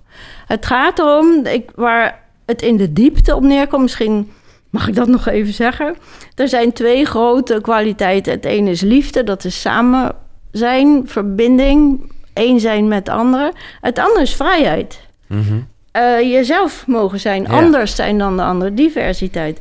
Nou, en die, zo hebben ze het volgens mij hier op aarde bedacht. Er gaan dan mensjes maken en de ene die wil enorm vrij zijn en zichzelf zijn en de ander die wil knuffelen en smelten en zo. En dan eh, gaan ze samen proberen om, om dat te doen en dan krijgen ze ontzettend veel moeilijkheden en langzaam maar zeker beseffen ze, oh nee, het moet allebei. Het moet liefde zijn en vrijheid. En dat kan alleen maar als je je eigen belang opoffert. Want dan heb je meteen liefde en je hebt ook meteen vrijheid. Echte vrijheid. Zoiets. Dit Dat is al dat- even het leven in de notendop Dat hier zo. model, ja. Dus daarom hebben ze volgens mij man en vrouw geschapen. Hè? Dat is ook Ja, heel dit zit een beetje in, eh, ik heb er wel de, in de alchemie van liefde heb je dit. eh, Ja, ja, ja, Precies. Dus heel fysiek hebben ze het zo bedacht. Die man die, die ontlaat zich, hè? dus dat het seksuele gebaar van de man is eh, Ja. vrij, vrijheid. En Ja. het seksuele gebaar van de vrouw is: kom hier, ik pak je, ja. kom erin, ik eet je op. Ja, En als ze dat doet, wat alle vrouwen proberen, dan is hij er niet meer. Dat is super jammer. Eh, maar als hij zijn gang mag gaan, dan is hij weg. Weet je wel, dan moet hij, gaat hij naar, is hij, heeft hij jou tevreden gemaakt. En daarna heeft hij al die andere dames nog te bedienen. Dus ehm, dat werkt zo niet, totdat je op een hoger plan komt en beseft, eh, het gaat om spirituele kwaliteiten. En dat is eh, ook weer de balans. Belangeloosheid. Of de belangeloosheid, Ja, ja. Nee, ik wil zeggen de balans tussen die liefde en die vrijheid, ja. Ja, ja, dat is hetzelfde. Ja, Ja. maar die balans vind je pas als je heel erg veel van jezelf opgeeft.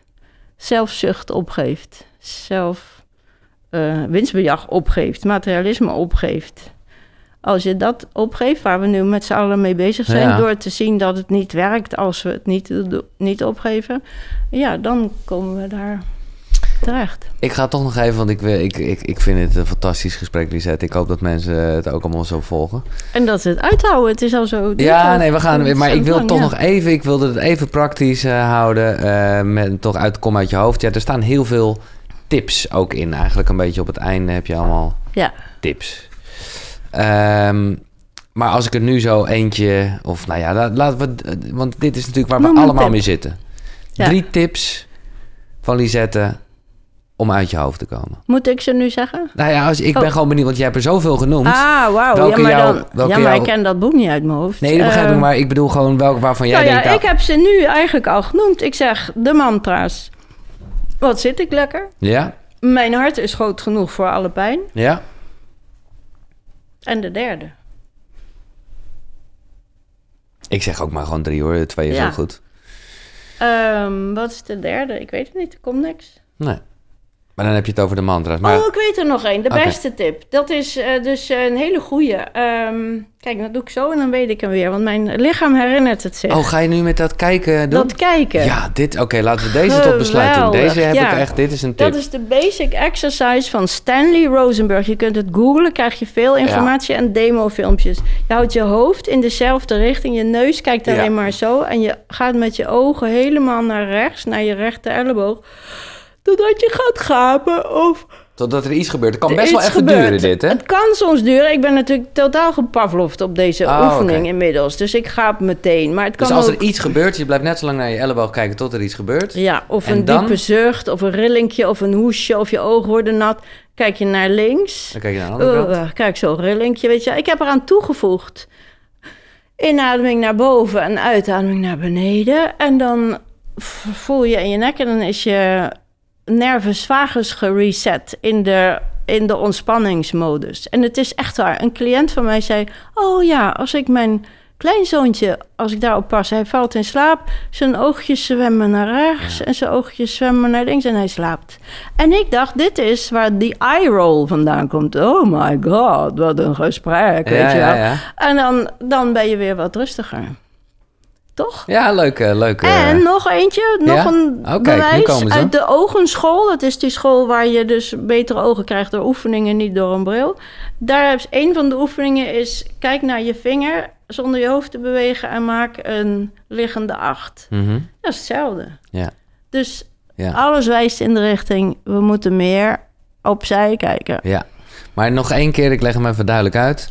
Je doet dus je handen eh, gekruist achter je hoofd. Ja, dat hoeft niet. Je kan Oh. het ook zonder, want dat is juist zo handig. Als je ehm, ergens bent waar je niet op wil vallen, dan doe je het gewoon even zonder Oh, dan doe je zonder Alleen handen. ik doe het wel om te zorgen dat mijn hoofd niet meedraait. Nee, precies. Want je Ja. hoofd mag niet draaien. Ja. Je kijkt met je ogen. Dan Ja. dus, nou ja, als je je handen in je nek hebt, kan het naar je elleboog zijn. Maar in ieder geval heel erg naar rechts. En dan wacht je net zo lang totdat er iets gebeurt. Iets subtiels. Subtiels, hè? ja. Iets, iets kriebeligs of zo. Ja. En dan keer je hem om naar de andere kant. En dan ga je naar links en dan wacht je daar ook weer. Ja, er gebeurt nu bij mij best wel snel iets. Maar dat, is, dat gaat ook steeds beter. Hoe vaker je het doet, Hmm. hoe beter. Ik doe dat heel vaak. Ik doe dat drie keer per dag met al mijn cliënten. En ik doe het zelf ook s'ochtends. En ja, niet om weer die, die wc er weer bij te halen. Maar als je aan het poepen bent en het gaat niet... en je doet dit, dan gaat het wel. Dus dat is Hmm. al zo'n leuk Oké. Eh, fysiek bewijs dat het echt werkt. Het ontspant je nervus vagus, dat is de tiende hersenzenuw, Ja. die gaat naar alle organen tot en met de darm. Dan zijn we toch weer bij het meest aardse. Nee, gewoon lekker. Zit jij in de beste tijd van je leven? Ja. Lekker. Ja, ja, ik ben er. Ja. Ik ben Maar nog er. wel volop experiment. Ik bedoel, doe je nog Ja. eens ayahuasca? Nee, ik heb de ayahuasca heb ik drie keer gedaan, MDMA ook drie keer. En eh, mijn lichaam wil het geloof ik niet. Nee. Mijn geest wel, maar mijn lichaam niet. Maar ik weet het niet zeker. Ik never say never. Ik lees nu over die runners high. Ik heb ook een boek gelezen over paddo's... waarvan ik dacht, ja, toch misschien... Nieuwsgierig. Je weet nooit. Als ik er een keer op stuit en het ziet er goed uit... Ik weet het niet. Nee. Het is al een aantal keren ter sprake gekomen, dus ik, eh, ik weet het ook wel een beetje, maar ik ga toch de open vraag stellen. Hoe kijk je aan tegen de dood? Ja, als een groot feest. Als een groot Eh, feest Ja, zelfs. ik, heb, eh, ik, ik was een beetje bang voor de dood. Niet zozeer de dood zelf, maar de manier waarop. Hè. Misschien word ik wel dement of zo, lijkt me zo erg. Dus heb ik ook een keer een orakel opgegooid, het roosvenster. En het was zo mooi. Dat ging over een ceremonie die gehouden werd omdat er, wordt omdat er een huis zijn hoogste punt had bereikt. En dan zetten ze palmtakken op en dan is het feest. En ehm, een feestelijke ceremonie. En ik dacht, wauw, als ik mijn hoogste punt heb bereikt, dan gaan we feest vieren. En dan die mijlpaal, dat is mijn dood. Ik denk dus echt heel erg dat doodgaan naar huis gaan is. Mhm. Naar huis. En wat gebeurt er dan? Eh, ja, dan, dan laat ik dit schattige lijfje achter. Dankjewel, lief lijfje. Dat mag eh, op de composthoop. Wil ik ook echt graag. Dat, Oké, nee, dat om schijnt ook te kunnen tegenwoordig. Ja. Ehm, of daar zijn ze mee bezig. Eh, dat kan gerecycled, bedoel ik. En dan ga ik, whatever that is, dat weet ik dus helemaal niet. We hebben er natuurlijk geen voorstelling van. Nee. Het is toch anders dan Ja. wat je denkt. Maar ik weet wel zeker dat het heel erg fijn is. Heel, heel, heel, heel erg fijn. Heel erg. Ik word ook hier ontroerd als ik hierover na ga denken. Thuis komen. Gewoon. Ja, gewoon terug mogen. Alle sprookjes, alle verhalen gaan over je was thuis en je moest weg. Je moest de boze wereld in, je moest het diepe donkere bos in, je moest de, de, de, Mhm. De afgrond in. En daar heb je het moeilijk en daarna mag je weer terug en mag je weer naar huis. Ja, ja, ik vind het grappig hoe jij er echt eh, een soort rust in vindt. Ik word er tamelijk onrustig van, maar dat heb ik dus daar, daarom... Maar dat gaat over de manier waarop. En wat je nu ziet, de manier waarop wij sterven tegenwoordig is gruwelijk. We leven veel Ja, te zo, lang. ik bedoel te zeggen, ik wil Ja. gewoon dingen doen. Ik wil ongelukkige dingen meemaken. Ik wil drama. Ik wil... Maar dat mag toch ook? Ja, dat dat mag toch ook? ook? Je hebt toch alle tijd? Nee, precies. Maar dan dat thuiskomen, dat voelt gewoon als... Ja, maar Dan luister, denk ik, ja, en hoe oud ben jij? 44. Nou, ik ben 68. Toen ik 44 was, had ik dat helemaal nog niet. Nee, ik, ben, ik ben nu echt Nee, oké. dus er naartoe dat, aan het leven. En ik ben er heel erg mee bezig, ook door corona en zo. Toen zei ik tegen mijn kinderen, luister, ik wil eventjes dat jullie iets beloven. En ze gingen allemaal, eh, we beloven niks. Oh, je hebt ze goed opgevoed. ja, ja, precies. en toen heb ik eh, een wilsverklaring behandelverbod bij mijn huisarts neergelegd. En bedacht, nou, dan moet ik dat zelf doen. Dat wordt het boek na dit boek, hè? Ja. Het boek over het onderbewuste. Daarna ga ik een boek schrijven en dat heet Ik ga liever gewoon dood. Want dat was mijn strijdkreet in die tijd. Weet je wel, er was na die eerste lockdown mochten we weer naar de Bijenkorf. En toen kwam ik binnen en daar stond zo'n man met zo'n pompje. En die zei mevrouw, en ik zei, wow, nee, ik ga liever gewoon dood. en toen moest hij lachen. Dus ik dacht, dit is een goede strijdkreet. maar het is ook zo waar. Ik ga liever gewoon dood Ja. dan gerekt en getrokken. En nog eens deze behandeling en nog eens die vreselijke, gruwelijke marteling... die ze allemaal voor je verzinnen in het ziekenhuis. Ik wil heel graag op mijn 83ste dood. Of eerder. Ja, whatever, ja. Of zo. En dan, eh, hoe eh, wil je herinnerd worden? Nou, daar ga ik niet over. Oh, ik moet deze vraag anders gaan stellen. Niemand het- ge- antwoord. eh. nou, ik, ik, dat is ineens van de laatste weken. Hm. Oké, dus ik laat ik hem anders stellen. Want ja, je wordt, je wordt... Wat wil je dat ze over je zeggen? Nou, Ja, dat, nog, daar ga ik ook Nee, niet er over. En over. dat weet ik al heel lang, want dat weet je als je, dat weet jij ook. Eh, als je publiceert, dan denk je, nou nu heb ik toch echt heel duidelijk dit gezegd. En dan komen mensen naar je toe en die zeggen, oh geweldig wat je toen zei of schreef. En dan is het iets heel anders wat ze onthouden hebben. Dus je gaat er echt niet over. Nee, je gaat er echt niet over. Maar dat begrijp ik, dat is Ja. een feit. Maar dan nog kan je wel... Ik bedoel, je, je, je hebt wel de behoefte om jouw kennis met de wereld te delen. Ja, maar dat heb ik toch gedaan? Nee, dus dat heb ben je ik gedaan. aan het doen, dus Dus ik bedoel te zeggen, als je, het, als je er wel over zou gaan, wat niet waar is natuurlijk, maar hoe zou je dan, hoe zou je dan willen Nou, ik ze- zou het leuk vinden als op mijn uitvaart, als mijn eh, begrafenis of wat het ook wordt, eh, als mijn kleinkinderen zeggen: wat een schattige oma was het. Ja, dat is eh, de, de, Dat vind ik heel erg fijn. Als Ja. mijn kinderen ook zeggen: nou, dat, het was niet altijd makkelijk. Ze heeft eh, eh, ook was, was vrij neurotisch toen we klein waren. Helaas, helaas hebben we nog een pittige dobber aangehad. Maar het is goed gekomen, want ze was zo, op het laatst was ze wel echt een beetje tot rust gekomen. En eh, Ja, maar, en wat, En maar dat, dat, snap ik en dat is Ja. natuurlijk ook het, uiteindelijk het meest essentiële waar het over gaat in eh, Ja. het leven. De, de- gewoon je Ja. directe relatie, maar, maar er, nu zijn, er zijn ook de heel wereld. veel, de wereld, er zijn ook heel veel mensen die hebben boeken van je gelezen of die hebben misschien Ja. wel eh, als rebalancer eh, dingen bij je ondergaan. Ja. En wat moet ik daar dan van willen? Nou, ben zo benieuwd hoe je dan... eh, ja, ja het, li- het lijkt me zo mooi. Laat ik het zo zeggen. Misschien is dit heel erg projectie. Dat ik gewoon denk van...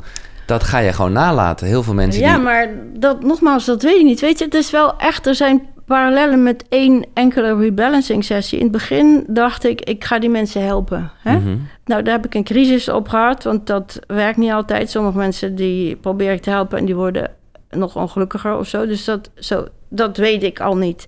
Dus na een poos ging ik zeggen: Oh ja, ik doe de sessie niet, de cliënt doet de sessie. Maar daar ben ik ook van teruggekomen. Het is nog mysterieuzer. Ik doe de sessie niet, de cliënt doet de sessie niet. Het onderbewuste van de cliënt doet de sessie. Dus het is een en al loslaten en Mm. kijken wat er gebeurt. En als jij nou zo'n vraag stelt, ik kan daar echt geen zinnig Nee. woord over zeggen. Ik moet dat helemaal loslaten en kijken wat er gebeurt. En waarschijnlijk ben ik daarboven ook veel te druk om me erom te bekommeren. Ja, ja. Ja, dan heb ik mijn eigen ruksjouw van mijn leven en zo. En Ja, dan ben ik ja, ja. wat aan het verwerken en aan plannen aan het maken voor de volgende keer. Dus is het ook niet zo belangrijk. Nee.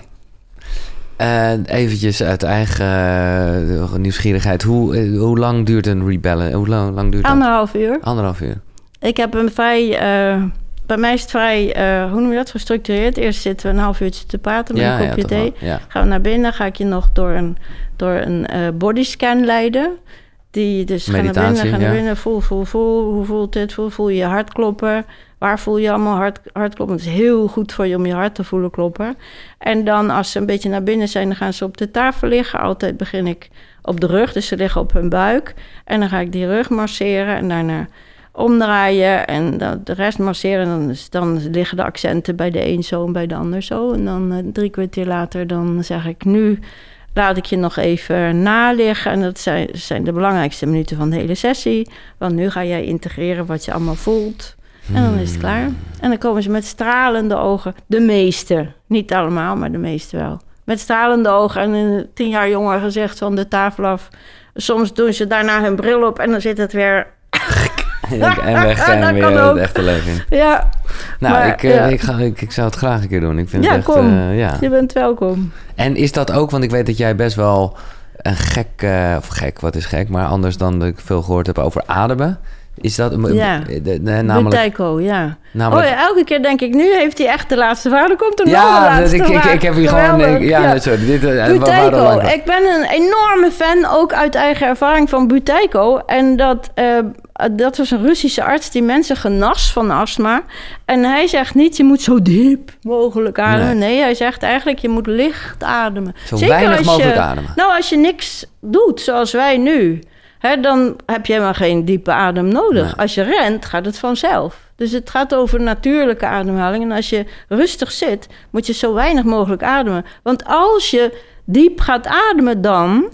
dan adem je te veel koolzuurgas uit. En dan eh, worden je spieren, die krijgen te weinig zuurstof... en die ga je een heel klein beetje subtiel spannen... Eigenlijk ben je dan een heel klein beetje aan het hyperventileren zonder dat je het weet. Je wordt gespannen, je wordt bang. Dus ja, misschien is de derde tip wel, Ja, eigenlijk, maar het is nu, nu de Ja, ja. vierde geworden. ja. Adem rustig. ademrust. Lao Tse schijnt gezegd te hebben... je moet ademen alsof je niet ademt. En bij de... hoe heette die mensen ook weer? Die, ehm, die beroemde krijgers in eh, Japan... eh, eh, nou ben ik die naam kwijt... maar die hele beroemde mythische krijgers... Eh, daar, als daar een nieuwe jongen kwam die erbij wou... dan zeiden ze tegen hem... hier is een donsveertje, hielden ze onder zijn neus... Ja, en als dat bewoog, dan was hij afgekeurd. Een eh, beetje veel te emotioneel, heigerig tipje. ik weet niet wat je bedoelt, echt die samurai. Ja, samurai, Ja, die bedoelde ik, dankjewel. Oké. Die, dat is een verhaal. Dus, dus rustig ademen, rustig ademen. En daarmee sluiten we echt af. De laatste adem is uitgeblazen. Mooi, ja. Maar ik zou eh, nee, zo nog uren met je Ja. door kunnen lullen, Lisette. Fantastisch. Nou, alle dankjewel. Groot en, compliment. eh, echt Ja. top. Eh, ik hoop dat jij het ook leuk vond. Eh, het was een beetje een, eh, bijzondere aflevering, omdat het halverwege ineens het licht daar was. Hier, er wordt gebeld ook. Het is klaar. Eh, bedankt. Vergeet vooral niet om eh, een duimpje omhoog te doen, dit te delen. En eh, nou ja, eh, plaats iets op Instagram als je het eh, leuk vond. Giels. Dit was Koekeroe. Meer informatie op koekeroe.nl slash Lisette. Ook een linkje naar al haar favoriete boeken en haar eigen boeken. Dus koekeroe.nl slash Lisette. Tot de volgende. Zonnegroet. Hoi.